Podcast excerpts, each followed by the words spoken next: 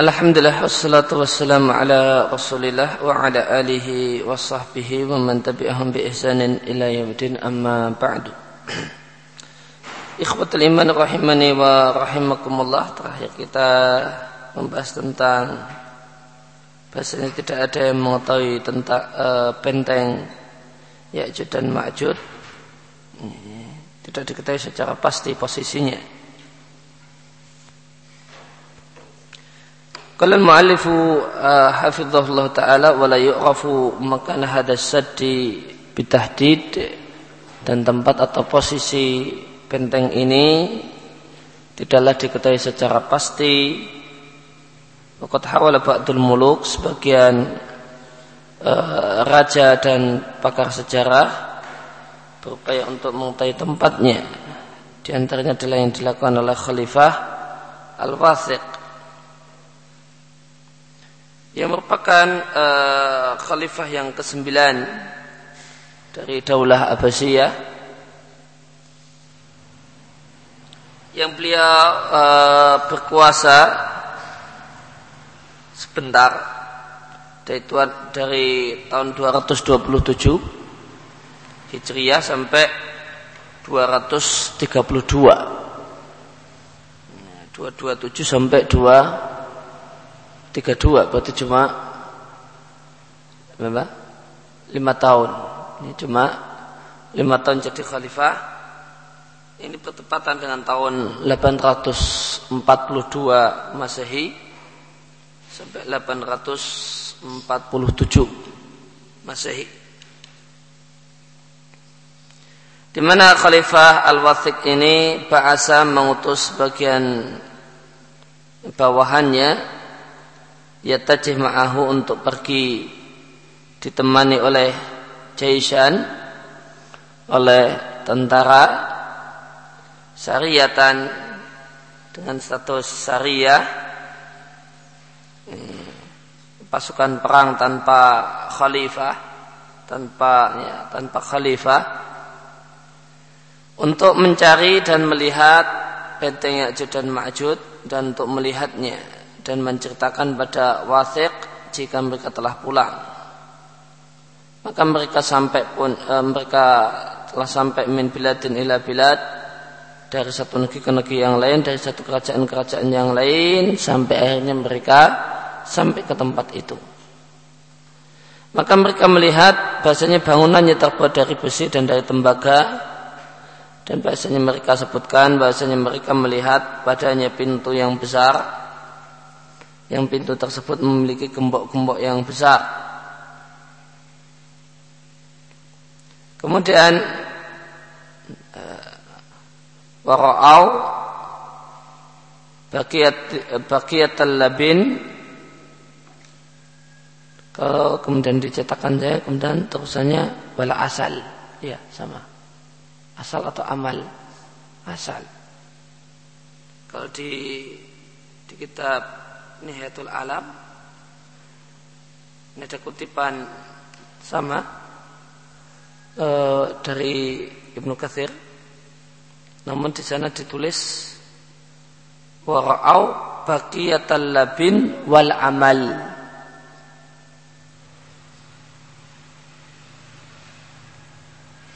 Wal amal bukan asal namun amal. Dan mereka melihat sisa batu bata dan sisa-sisa kerja sisa-sisa benda-benda yang dipakai untuk kerja fibarji hunangka di benteng yang ada di sana.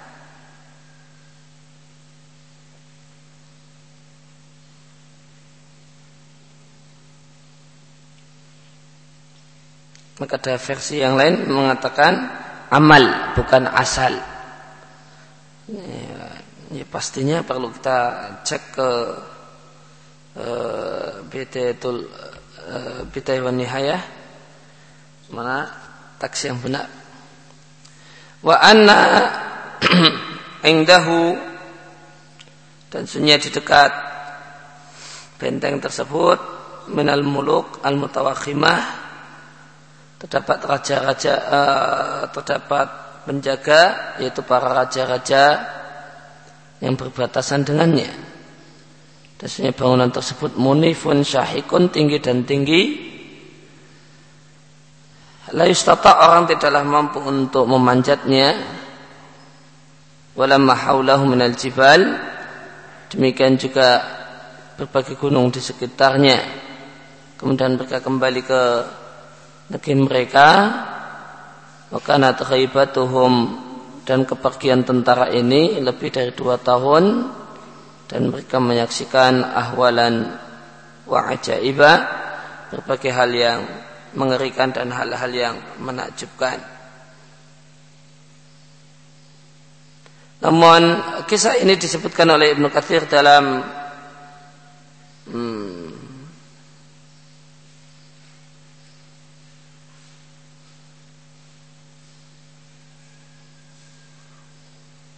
Eh, di sini katakan kisah ini disebutkan oleh Ibnu dalam tafsirnya dan beliau pun tidak menyebutkan sanatnya Allah alam bisihati dalika maka tidak uh, jelas tentang kebenaran berita ini.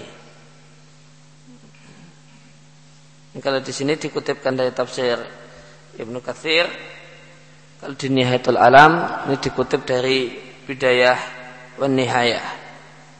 Dan penulis Nihayatul Alam mengatakan dan Al-Hafidh Ibnu Katsir tidak menyebutkan sanad untuk kisah ini dan beliau pun juga tidak berkomentar apa pun tentang kisah ini. Kemudian walladzi tatula lil ayatus sabiqah dan ayat-ayat yang telah lewat menunjukkan bahasanya benteng Ya'juj dan Ma'juj dibangun di antara dua gunung mengat firman Allah Subhanahu wa taala hatta idza balagha baina saddaini sehingga apabila Dzulqarnain telah sampai pada dua gunung Sadan maknanya adalah dua gunung yang saling berhadapan.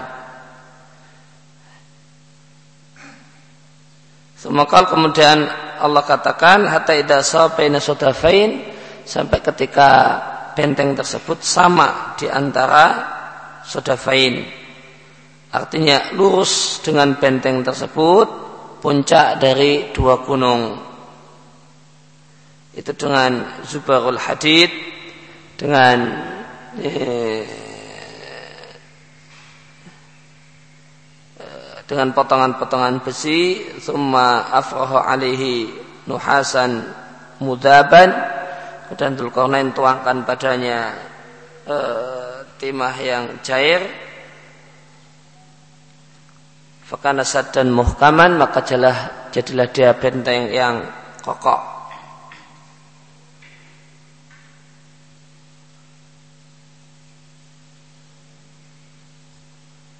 Namun terdapat e, riwayat yang menunjukkan bahasanya ada seorang sahabat Nabi yang melihat benteng ini. Diatkan oleh Bukhari secara mu'alak dan beliau dengan menggunakan bahasa yang jazm tegas. Al-Bukhari mengatakan qala rajulun lin nabi. Ada seseorang yang berkata kepada Nabi ra'aitu sadda. Aku telah melihat benteng Ya'juj dan Ma'juj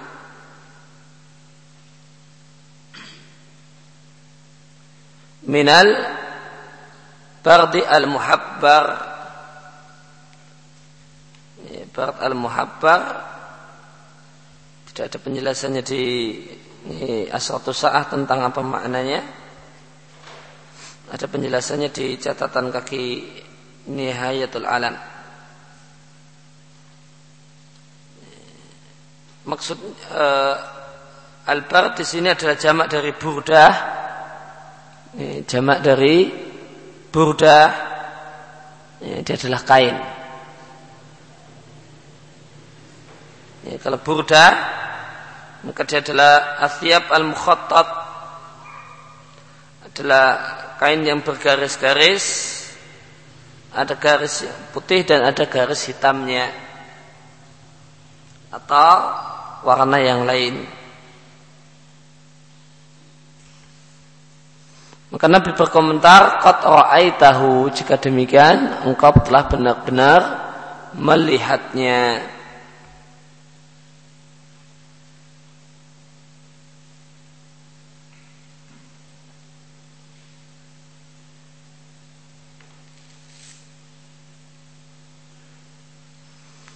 Nah, ini disebutkan oleh Bukhari dalam sahihnya secara mu'alak. Kata Al-Hafidh Ibnu Hajar, Hadis ini disebutkan sanatnya secara mausul.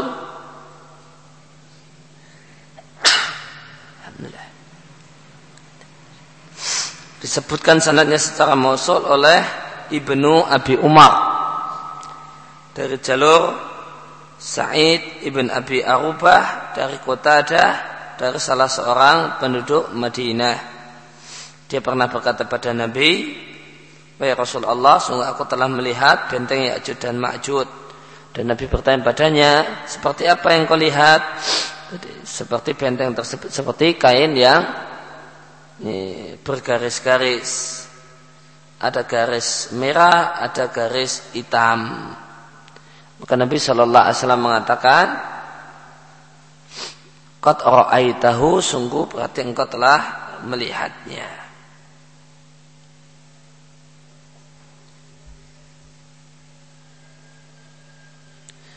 Kemudian di sini ada kutipan perkataan Said Kutub rahimahullah taala.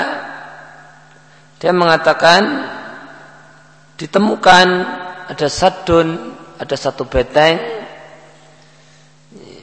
di Makbarah di dekat pekuburan kota Tirmidh catatan kaki Yakut Al-Hamawi mengatakan Tirmidh adalah satu kota terkenal min ummahatil mudun termasuk kota besar di masa silam. Rakibatan ala nahri Jayhun mungkin maknanya adalah posisinya itu di pinggiran e, sungai Jayhun dari sisi timurnya. Kota ini diliput e, dikelilingi oleh benteng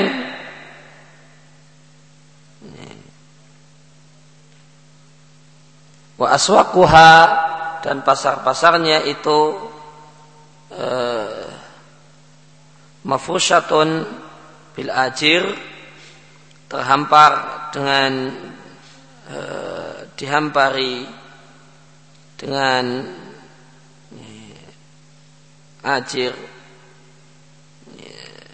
Ini semisal lantai eh, maka bukan dari tanah lantai pasarnya namun dari ya, semen atau semisal itu.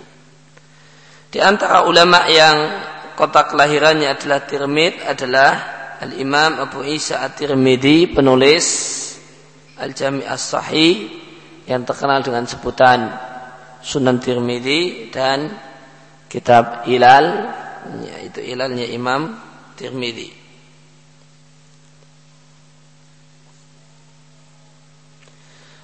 Uh, benteng tersebut Orifa di, disebut atau diketahui dengan sebutan Babul Hadid pintu besi. Qatmar benteng ini telah diwala, uh, dilewati di awal-awal abad 15 Masehi oleh seorang pakar seorang ilmuwan dari Jerman.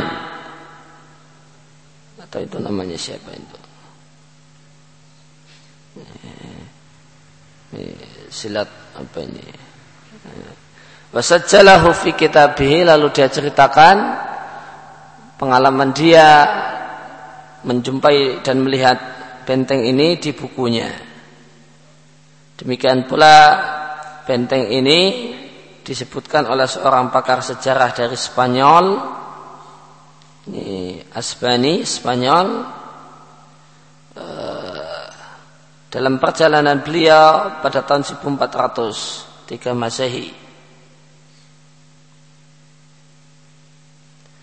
Wakal kemudian Said Kutub rahimahullah mengatakan benteng kota Babel Hadid itu terletak di pinggir jalan Samarkand dan India.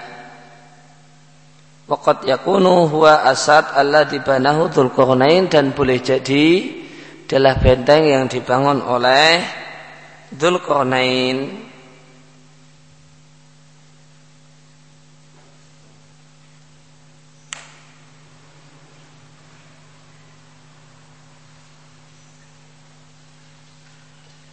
Uh, kemudian pada Asratu Sa'am menanggapi perkataan Said Kutub dengan mengatakan boleh jadi benteng tersebut adalah asur adalah tembok kota yang mengelilingi kota Tirmid sebagaimana disebutkan oleh Yakut Al-Hamawi di kitabnya Mu'jamul Buldan dan dia bukanlah benteng yang dibangun oleh ya Dzulqarnain. Namun poin penting dalam masalah ini sebenarnya tidaklah penting bagi kita fi hadal bahas dalam bahasan ini mengetahui secara pasti tempat dari benteng tersebut. Namun kita mencukupkan diri dengan apa yang Allah beritakan dan apa yang terdapat dalam hadis yang sahih. Yaitu benteng Ya'juj dan Ma'juj itu tetap ada sampai akan datang waktu yang telah ditentukan. Kalau dicetakan saya namun ada salah cetak. Buka, tertulis al-waqt pakai dal padahal harusnya pakai tak. Ila ayat dia waktul muhaddad. Ya, dicetakan baru sudah diperbaiki belum? Ya. Lidaki untuk hancurnya benteng tersebut dan keluarnya Yajud dan Ma'jud dan itu terjadi pada saat dekatnya kiamat. Sebagaimana firman Allah, "Qala hada rahmatun min rabbi." Dzulqarnain mengatakannya adalah kasih sayang Rabbku, maka jika telah uh, datang janji Rabbku, yaitu dekatnya kiamat, maka Allah akan jadikannya hancur. Wa kana wa'du rabbi haqqa dan janji Rabbku adalah janji yang benar. Wa tarakna ba'dhum yawma idzin yamuju fi ba'din dan pada saat Ya'juj dan Ma'juj itu keluar maka kami biarkan sebagiannya bercampur baru tidak karuan dengan sebagian yang lain. Wa dan ditiuplah trompet atau sangkakala. Fajama'nahum jam'a lalu kami kumpulkan mereka dan benar-benar kami kumpulkan mereka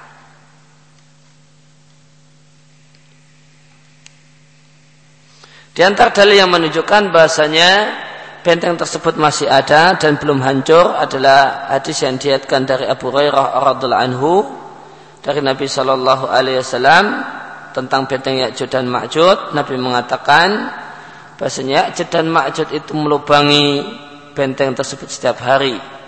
Ketika mereka hampir saja bisa melubanginya, maka berkatalah pimpinan mereka, ayo pulang kita akan lubangi lagi besok pagi.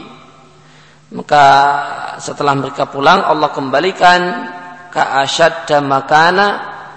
Apa yang dilubangi tadi Allah kembalikan dalam kondisi yang sekeras-kerasnya. Demikian seterusnya setiap hari. Hatta idza balaghu muddatahum maka jika mereka telah tiba pada waktunya yaitu waktu untuk keluar dan Allah Ta'ala ingin mengeluarkan mereka ala nas atas manusia mengeluarkan mereka sehingga mereka menghancurkan dan berbuat onar di tengah-tengah manusia. Qala alaihim maka pimpinan mereka mengatakan, ayo pulang, sore ini kita pulang, besok akan kita lubangi lagi, rodan besok insya Allah.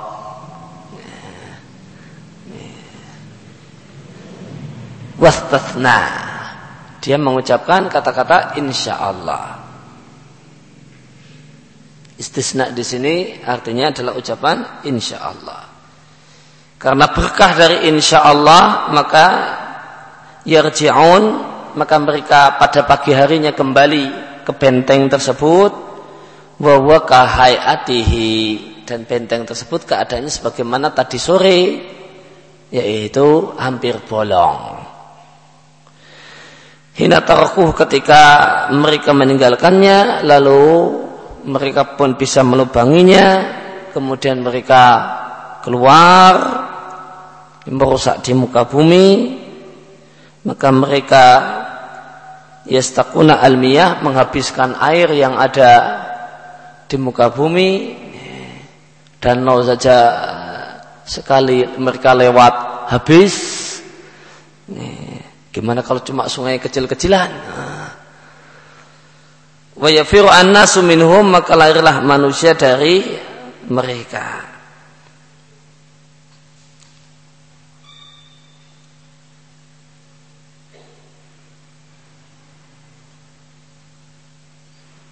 Maka di sini kita jumpai barokah dan fadilah insya Allah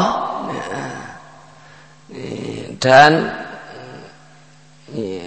dampak jelek meninggalkan insya Allah mereka nggak bisa benar-benar lubangi benteng Yakjud dan Makjud itu karena besok kita lubangi lagi tanpa insya Allah maka Allah kembalikan dalam keadaan sekeras-kerasnya. Nah, ketika Allah ingin mereka untuk keluar, maka sang pimpinan ingat dengan kata-kata insya Allah dan ini menjadi sebab eh, mereka ketika mereka paginya kembali keadaan benteng yang hampir terlubang itu seperti kemarin sore. Nah, istisna di sini maknanya adalah insya Allah. Demikian juga istisna dalam masalah sumpah itu di, maksudnya adalah insya Allah. Ini, terdapat istisna dalam sumpah. Maka jika orang itu istisna dalam sumpah kemudian melanggar sumpahnya, dia tidak membayar kafarah. Ini, ini, saya selama sebulan ke depan saya tidak akan demi Allah saya tidak akan makan bakso. Insya Allah oh kok ternyata kepingin bakso kemudian makan? Tidak wajib uh, bayar kafarah demikian juga dalam masalah iman ada pembahasan namanya uh, apa hukum istisna dalam iman. Maksudnya adalah ucapan ana mu'minun insya Allah maka insya Allah di sini, e, dalam masalah iman itu artinya bukan jangan diterjemahkan pengecualian dalam iman, nggak nyambung. Nah, apa hukum istisna dalam iman, pengecualian dalam iman, nah, nggak nyambung. Apa hukum ucapan insya Allah dalam kalimat ana mu'minun insya Allah. Itu arti ini apa hukum istisna dalam iman?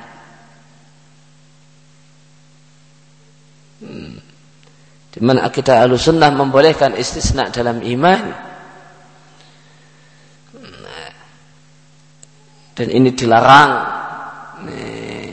keras oleh murjiah. Dan dikarenakan ahlu sunnah membolehkan mengucapkan istisna dalam iman maka murjiah menyebut ahlu sunnah dengan sebutan syakkakin orang yang ragu-ragu dalam imannya. Itu gelaran yang diberikan oleh murjiah kepada ahlu sunnah gara-gara ahlu sunnah membolehkan ucapan ana mu'minun insya Allah. Mereka menilai ini adalah keraguan-raguan dalam iman.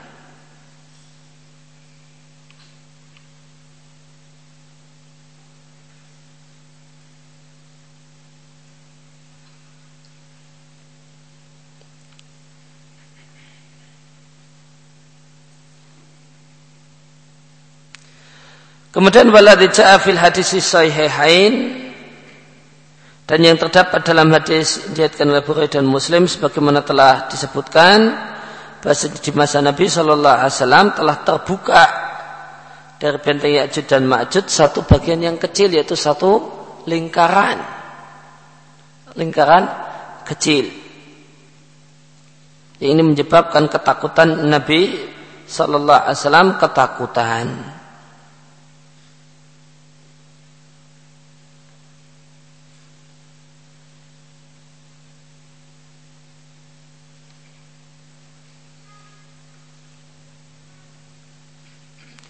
Kemudian uh, Said Kutub rahimallahu taala berpandangan mimpa bitarjih uh, dari sisi uh, prasangka kuat bukan yakin.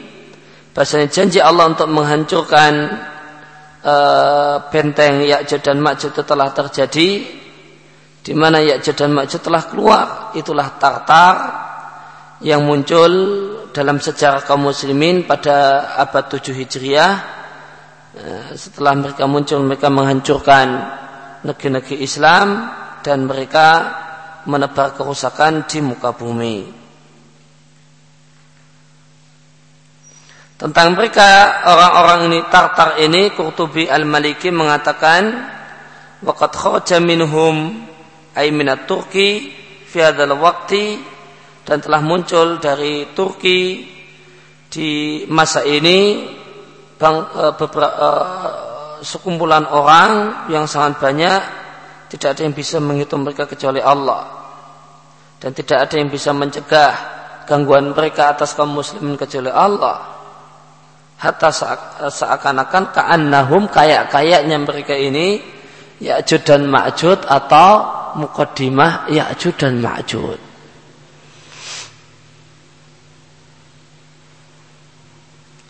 Maka kemunculan Tartar yang kemudian melakukan kerusakan di muka bumi itu di zaman Kurtubi itu hidup.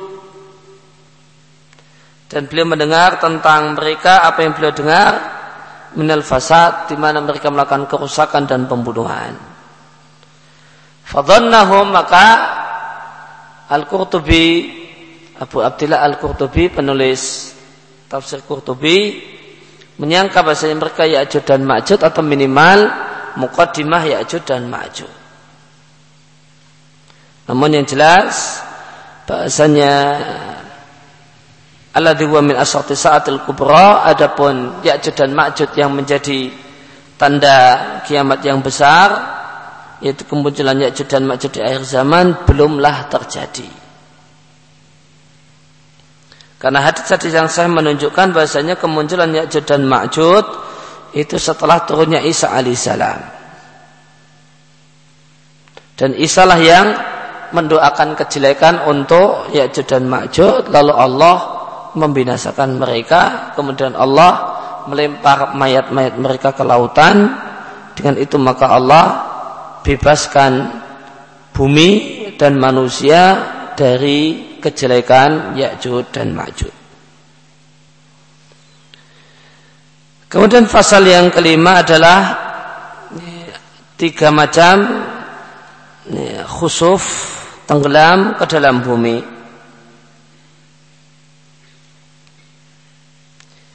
Pengertian khasaf khasafal makan khusufan artinya dahaba fil ard tenggelam ke dalam bumi. Wa fiha dan hilang dalam bumi. Sebagaimana firman Allah untuk Qarun fa khasafna bihi wa bidarihil arda. Maka kami tenggelamkan ke dalam bumi Fir'aun eh, Qarun dan rumahnya. Terjadinya tiga khasaf yang merupakan tanda kiamat disebutkan dalam beberapa hadis yang membahas tentang tanda-tanda besar kiamat. Maka dalil, dalil dari sunnah ya, tentang adanya kemunculan atau terjadinya uh, tiga peristiwa besar uh, tenggelamnya bumi ke dalam uh, tenggelam dan ke dalam bumi dari Hudzaifah ibnu Usaid radhiallahu anhu Rasulullah Sallallahu Alaihi Wasallam bersabda kiamat tidak akan terjadi sampai kalian melihat sepuluh hal. Di antaranya adalah Nabi katakan tiga peristiwa tenggelam ke dalam bumi. Satu di daerah timur kota Madinah, daerah barat kota Madinah, dan di Jazirah Arab. Dari Ummu Salamah radhiallahu anha beliau mengatakan aku mendengar Rasulullah sallallahu alaihi wasallam bersabda akan ada setelahku peristiwa tenggelam ke dalam bumi yang terjadi di sebelah timur kota Madinah, sebelah barat kota Madinah dan di jazirah Arab. Maka Ummu Salamah bertanya, "Wahai Rasulullah, apakah bumi itu ditenggelamkan, dimasukkan ke dalam, sedangkan di muka bumi masih ada orang-orang yang saleh. Maka Rasulullah Sallallahu Alaihi Wasallam bersabda, "Ida aktsaru aktsaru ahliha al khobath jika mayoritas penduduk bumi adalah orang-orang yang rusak. Dikatakan oleh Tabrani dalam Mu'jam Awsat sebagaimana dikatakan oleh Al-Haythami dalam Majmu'uz Zawaid. Waqal Al-Haythami mengatakan wa fi sahih ba'duhu sebagian redaksi hadis ini ada dalam kitab sahih saya buka itu Muslim. Sedangkan sanad hadis ini ada di sana seorang namanya Hakim bin Nafi dia dinilai sika oleh Ibnu Ma'in dinilai daif oleh yang lain sedangkan perawi-perawi yang lain adalah perawi yang sika apakah tenggelam ke dalam bumi ini telah peristiwa ini telah terjadi? Uh, tenggelam ke dalam bumi tiga peristiwa tenggelam dalam bumi ini lam takok ba'du belumlah terjadi sebagaimana tanda-tanda besar yang lainnya yang belum ada satupun yang muncul dan terjadi. Meskipun sebagian ulama ada yang berpendapat kalau tenggelam ke dalam bumi ini telah terjadi. Inilah pendapat Syarif Al-Barzanji dalam kitabnya Al-Isya'ah. Akan tapi yang benar e, belumlah terjadi satupun dari hal tersebut sampai detik ini namun yang terjadi cuma memang ada beberapa bagian tanah yang tenggelam ke dalam bumi. Nah, itu di tem berbagai tempat yang terpencar-pencar dan dalam masa waktu yang sangat berjauhan. Maka itu adalah tanda kiamat kecil. Adapun tiga peristiwa tenggelam ke dalam bumi ini, maka ini adalah besar-besaran dan merata di mana-mana mencakup terjadi di banyak tempat di muka bumi di sisi timur dan baratnya demikian juga sampai jazirah Arab. Ibnu Hajar al Asqalani Asy-Syafi'i mengatakan Waqat wujida al-khasfu telah dijumpai peristiwa tenggelam ke dalam bumi di beberapa tempat akan tapi dimungkinkan bahasa yang dimaksud tiga peristiwa tenggelam ke dalam bumi adalah ini peristiwa tenggelam dalam bumi yang lebih dari sekedar apa yang pernah terjadi. Artinya lebih besar, yaitu lebih luas tempatnya dan kadarnya. Dan penjelasan Ibnu Hajar ini dikuatkan dengan hadis yang mengatakan bahwa itu terjadi manakala yang dominan di masyarakat adalah orang-orang yang rusak Artinya tersebar luas di tengah-tengah mereka berbagai macam kemaksiatan. Kemudian tanda yang keenam, eh, tanda berikutnya adalah ad-dukhan, asap.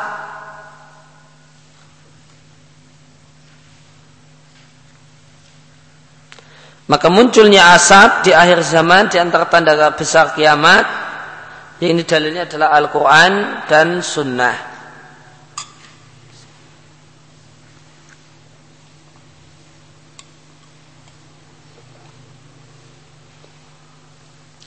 Dalil munculnya asap pertama adalah dalil dari Al-Quran firman Allah di surat Ad-Dukhan Fartaqib maka tunggulah hari di mana langit akan datangkan asap yang nyata yang meliputi banyak orang ini adalah siksaan yang pedih.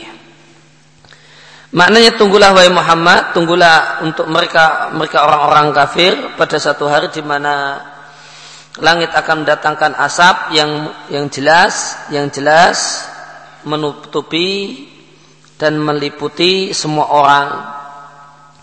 Maka pada saat itu dikatakan pada mereka inilah siksaan yang pedih sebagai bentuk celaan dan celaan kepada mereka atau ini adalah ucapan sebagian mereka pada sebagian yang lain.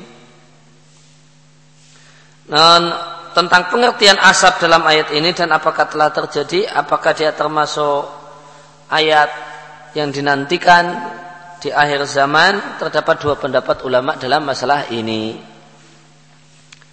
Pendapat yang pertama mengatakan asap dalam surat Ad-Dukhan itu adalah apa yang telah menimpa orang Quraisy berusaha berupa kesusahan dan kelaparan tatkala Nabi Shallallahu Alaihi Wasallam mendoakan jelek untuk mereka saat mereka tidak merespon ajakan Nabi Shallallahu Alaihi Wasallam maka jadilah mereka karena demikian laparnya dan susahnya seakan-akan di langit melihat seperti ada asap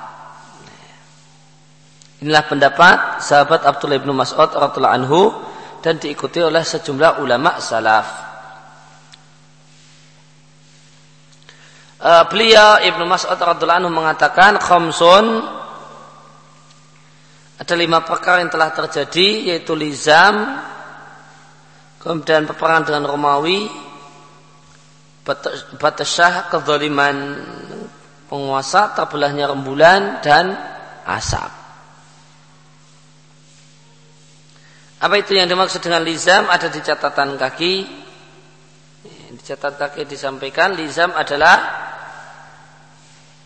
apa yang Allah sebutkan dalam surat Al-Furqan maka sungguh kalian telah mendustakan maka fasaufa yakunu lizama maka akan ada lizam artinya akan ada seksaan yang laziman selalu menyertai yang siksaannya akan membinasakan mereka disebabkan karena mereka mendustakan. Itulah yang terjadi pada orang-orang kafir Quraisy saat perang Badar di mana terbunuhlah 70 tokoh-tokoh mereka dan tertawanlah 70 yang lainnya.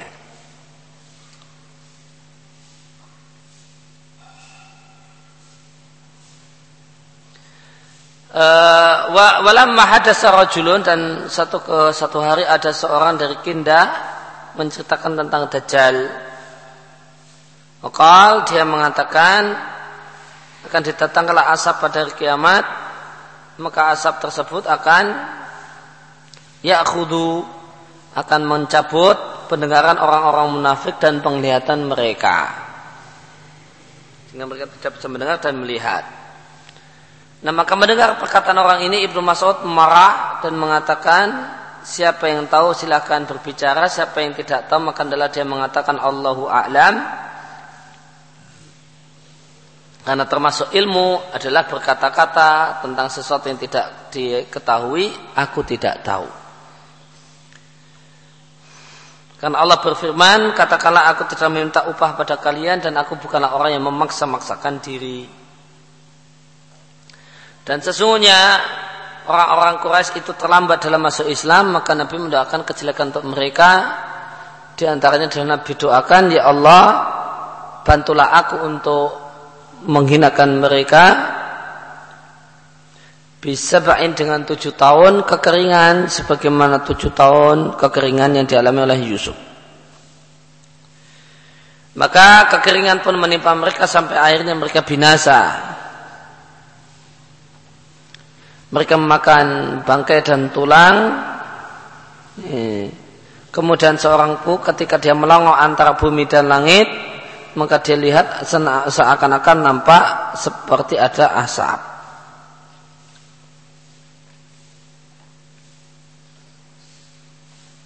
Nah pendapat ini, pendapat Ibnu Mas'ud ini bahasanya asap ini telah terjadi dinilai kuat oleh Ibnu Jarir atau Bari beliau mengatakan Kemudian Allah Jalla Sana'uhu yang Maha Agung tahu ada mengancam adanya asap untuk orang-orang musyrik Quraisy.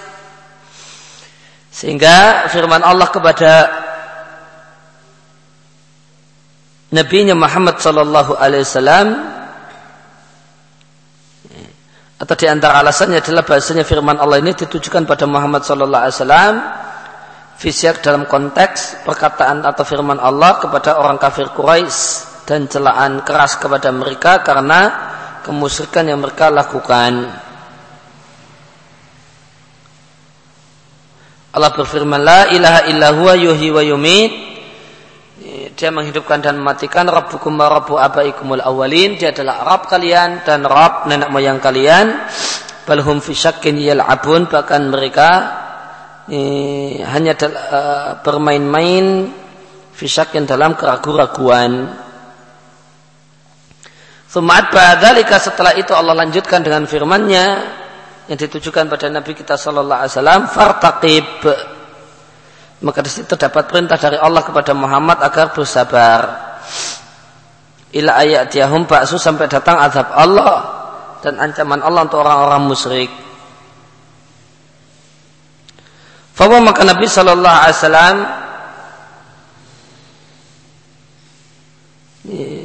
maka menimbang bahasa itkana wa'idan lahum itu adalah satu ancaman untuk mereka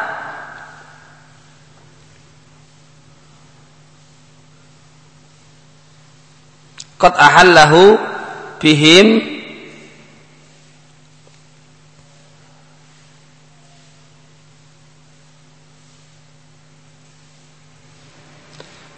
eh, telah menimpa mereka asbah itu lebih tepat daripada Allah akhirkan asap itu dari mereka orang-orang Quraisy sehingga yang merasakannya adalah orang selain Quraisy. Itu alasan Ibnu Jarir atau Bari kenapa beliau memilih pendapat Ibnu Mas'ud karena beliau katakan konteksnya adalah pembicaraan kepada Nabi Shallallahu Alaihi Wasallam dan orang-orang Quraisy. Maka yang lebih tepat ini dirasakan nanti oleh uh, dirasa uh, ini adalah ancaman yang telah terjadi pada orang-orang Quraisy bukan malah dialami oleh orang-orang selain Quraisy. Pendapat yang kedua mengatakan bahasanya asap itu ada di antara ayat besar, tanda besar yang masih dinantikan. Alatilam tajik ba'du karena belum terjadi dan akan terjadi ketika manakala sudah dekat dengan terjadinya kiamat. Inilah pendapat Ibnu Abbas, sejumlah sahabat dan tabi'in. Diatkan oleh Ibnu Jarir atau Tabari dan Ibnu Hatim dari Abdullah bin Mulaikah. Beliau adalah Abdullah bin Ubaidillah ibn Mulaikah Zuhair bin Abdullah bin Jada'an At-Taimi Al-Maqi. Uh, Ibnu Abi Mulaikah ini dulu dia adalah seorang qadi dan muadzin di masa pemerintahan Ibnu Zubair. Warawa dan dia mengambil riwayat hadis dari empat orang yang bernama depan Abdullah yaitu Abdullah bin Umar, Abdullah bin Abbas, Abdullah bin Zubair dan eh, Abdullah eh, ibnu Amr ibnu Al-As. Dan beliau ada seorang yang suka meriatkan banyak hadis wafat tahun 117 Hijriah. Maka istilah abadilah itu ada istilah abadilah untuk sahabat dan ada istilah abadilah untuk tabi tabiin. Maka di uh, ketika di, kita bicarakan masa tabi tabiin ada istilah ini abadilah ini, dari mereka di antara abadilah kalau masa tabiin adalah Abdullah bin Mubarak. Nih.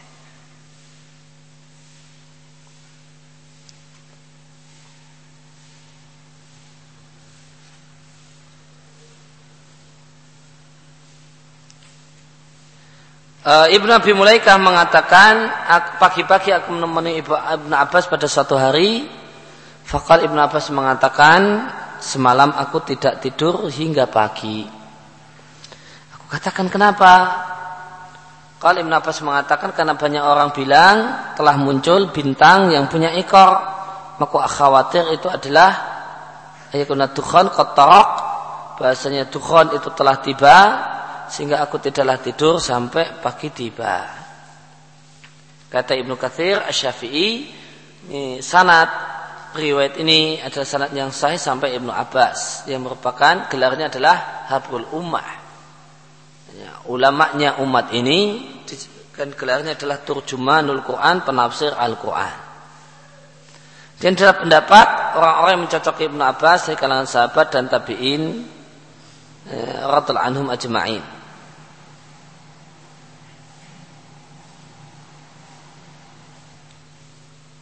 Malah hadis ditambah hadis-hadis marfu yang ada dalam kitab kita yang berupa hadis yang sahih hasan atau yang lainnya.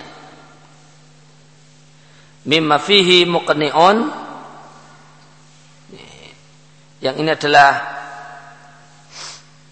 memuaskan dan dalil yang sangat jelas yang cukup jelas bahasanya dukhon atau asap adalah tanda kiamat yang masih dinantikan. Dan itulah zahir ayat Al-Qur'an karena Allah berfirman fartaqib yauma ta'ti sama'u bitukhanin mubin. Ai bayinin jelas wadih jelas bisa dilihat oleh semua orang. Padahal kalau pakai tafsiran Ibnu Mas'ud maka dukhon itu cuma khayalan. Yang mereka lihat dengan menggunakan mata kepala mereka ini timbullah khayalan semacam ini karena sangat lapar dan kesusahan. Padahal Allah katakan mubin. Maka dari kata-kata mubin ini dipakai oleh Ibnu Katsir untuk mentarjih pendapat Ibnu Abbas. Karena kalau tafsiran Ibnu Mas'ud nggak mubin karena itu nggak dilihat semua orang. Yarshanas demikian juga Yarshanas di sini nasnya semua manusia. Artinya menutupi mereka dan meliputi mereka seandainya asap tersebut cuma imajinasi yang khusus dialami oleh orang penduduk Mekah yang musyrik, tentu harusnya tidak pakai kata-kata anas yang artinya semua manusia. Terdapat dalam saya Bukhari dan saya Muslim, sehingga Rasulullah Sallallahu Alaihi Wasallam berkata pada Ibnu Soyad, sungguh aku menyimpan sesuatu dalam hatiku untukmu. Maka Ibnu Soyad mengatakan duh, maka Nabi katakan ikhsha, celakalah engkau, fala ta'du engkau tidak bisa melewati apa yang jadi batasanmu. Padahal yang disimpan oleh Nabi Sallallahu Alaihi Wasallam dalam hatinya adalah kalimat fartaqib maka tunggulah nantikanlah hari ta'ti sama'u di mana datanglah langit mendatangkan asap yang jelas. Fafihat dalil maka dalam uh, hadis ini terdapat dalil bahasanya yang namanya asap itu adalah ayat yang masih ditunggu dan dinantikan. Maka Ibnu Sayyad itu termasuk Yahudi Madinah. Dalam taqatil kisah maka kisah Ibnu Sa'id dengan Anas ini tidaklah terjadi kecuali setelah ila ba'dal hijrah nabawiyah kecuali terjadinya hijrah yang dilakukan oleh Nabi Shallallahu Alaihi Wasallam menuju kota Madinah Al Munawwarah. itu dan juga maka terdapat hadis-hadis sahih yang menyebutkan bahasanya asap itu adalah di antara tanda besar kiamat. Adapun tafsiran Ibnu Mas'ud maka itu adalah perkataan beliau, istihad beliau, maka hadis marfu lebih kita menangkan daripada hadis mauquf.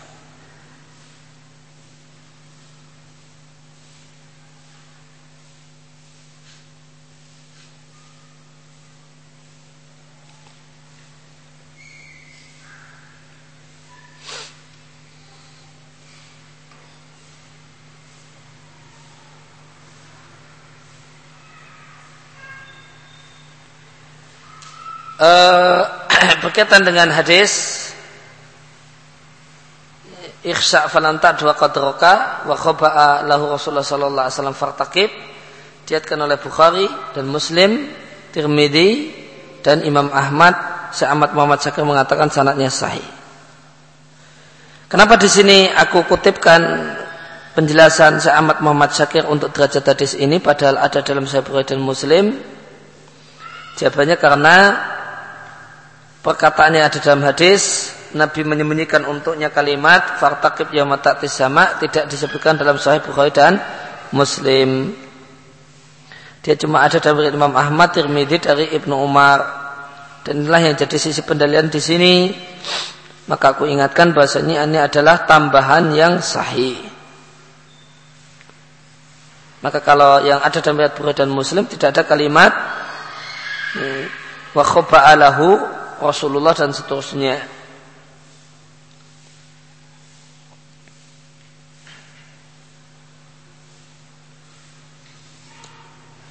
E, maka tadi dikatakan marfo disampaikan kaidah hadis marfo lebih didahulukan daripada semua mauquf. Maka ketika sahabat berselisih pendapat, maka kita nilai sikap yang benar, kita pilih mana yang paling dekat dengan hadis yang marfu. Namun sejumlah sahabat, eh, sejumlah ulama memilih mengkompromikan antara dua asar, asar Ibnu Mas'ud dan Ibnu Abbas. Mereka katakan ada dua asar yang sudah muncul, yang lain belum muncul. Itulah yang akan muncul di akhir zaman. Adapun asap yang telah muncul adalah asap yang dilihat oleh orang-orang Quraisy seperti asap wahdatukon dan asap tersebut bukanlah asap yang hakiki yaitu asap yang ada pada saat kemunculan al-ayat tanda-tanda besar kiamat yaitu adalah tanda min asrati saat di antara tanda terjadinya kiamat. Di antara ulama yang mengkompromikan dua asar di atas, asar Ibnu Mas'ud dan Ibnu Abbas adalah mujahid. Dia catatan kaki. Beliau adalah seorang imam, pakar hadis, Mujahid bin Jabir al-Makki Abul, Abul Hujat. Beliau belajar secara mualazamah dengan Ibnu Abbas. Maka beliau belajar dari Ibnu Abbas e, tafsir. Dan umat Islam pun sepakat beliau adalah seorang imam dan perkataan beliau dalam masalah agama dalam masalah bahasa Arab juga bisa jadikan hujah. Di antara perkataan mujahid yang menarik dikutipkan di sini seorang yang fakih, seorang ulama adalah seorang yang takut kepada Allah meskipun ilmunya sedikit. Yang namanya ulama adalah orang yang punya rasa takut yang besar kepada Allah terhadap larangan-larangan Allah meskipun ilmunya sedikit. Dan orang yang bodoh Orang awam adalah orang yang durhaka kepada Allah meskipun banyak ilmunya namun banyak ilmu yang teoritis saja karena tidak diamalkan. Mujahid mengatakan Ibnu Mas'ud mengatakan ada dua asap. Yang satu sudah lewat Waladibakiyah dan yang masih tersisa adalah asap yang meliputi ruangan antara langit dan bumi. Namun tidaklah orang beriman menjumpai dampak dari asap ini kecuali seakan-akan pilek saja. Namun orang kafir asap tersebut akan menyumbat pendengaran-pendengaran mereka. Kalau orang yang beriman ketika itu ketika terjadi asap yang memenuhi ruangan antara langit dan bumi, orang yang beriman pada pilek karena pengaruh asap. Namun orang-orang yang kafir Eh, maka mereka rusak pendengarannya karena dirusak oleh asap-asap ini. Ibnu Jari mengatakan bukanlah satu hal yang aneh menimpa orang-orang kafir yang telah Allah ancam dengan ancaman ini ancaman yang telah Allah berikan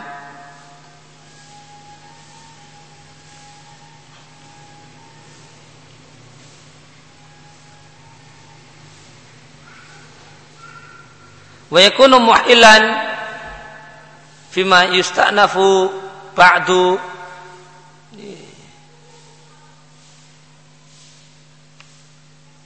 Dan wa yakunu muhilan dan akan terjadi fima yusta'nab sesuatu hal yang baru ba'du setelah uh, setelah itu. Ini untuk orang lain.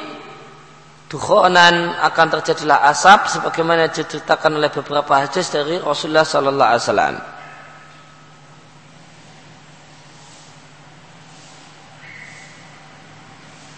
Terdapat hadis-hadis dari Rasulullah Sallallahu Alaihi Wasallam ingdana di sisi kami kadalik seperti itu yang kami ketahui. Karena hadis-hadis dari Rasulullah Sallallahu Alaihi Wasallam saling menguatkan bahasanya itu itu adalah satu hal yang terjadi. Fa'ina qad kana ma uriya anhu Abdullah bin Mas'ud.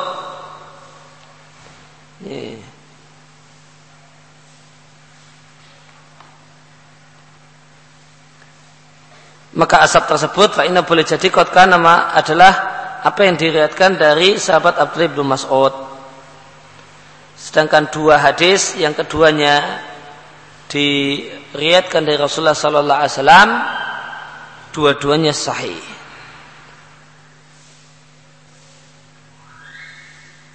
Kemudian dalil dari sunnah mata telah lewat kita sebutkan beberapa hadis yang menunjukkan kemunculan asap di akhir zaman dan di sini akan kita tambahkan beberapa hadis yang menunjukkan hal tersebut yaitu tiga hadis yang pertama dihatkan oleh Muslim dari Abu Hurairah radhiyallahu anhu Rasulullah sallallahu alaihi wasallam bersabda, "Bersegeralah kalian beramal sebelum muncul enam hal, salah satunya dajjal dan asap."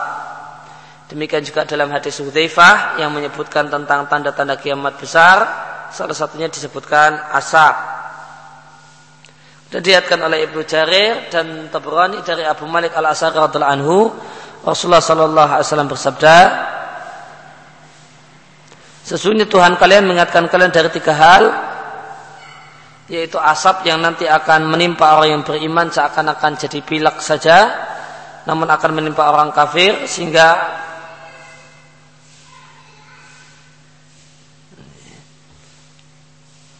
wa al kafir dan akan menimpa orang kafir fayantafih lalu akan melepuh. Maka orang kafir yang kena ini akan melepuh. Hatta yakhuja min kulli masma'in minhu. Akan membengkak dan melepuh sampai asap tersebut keluar dari semua alat-alat pendengarannya.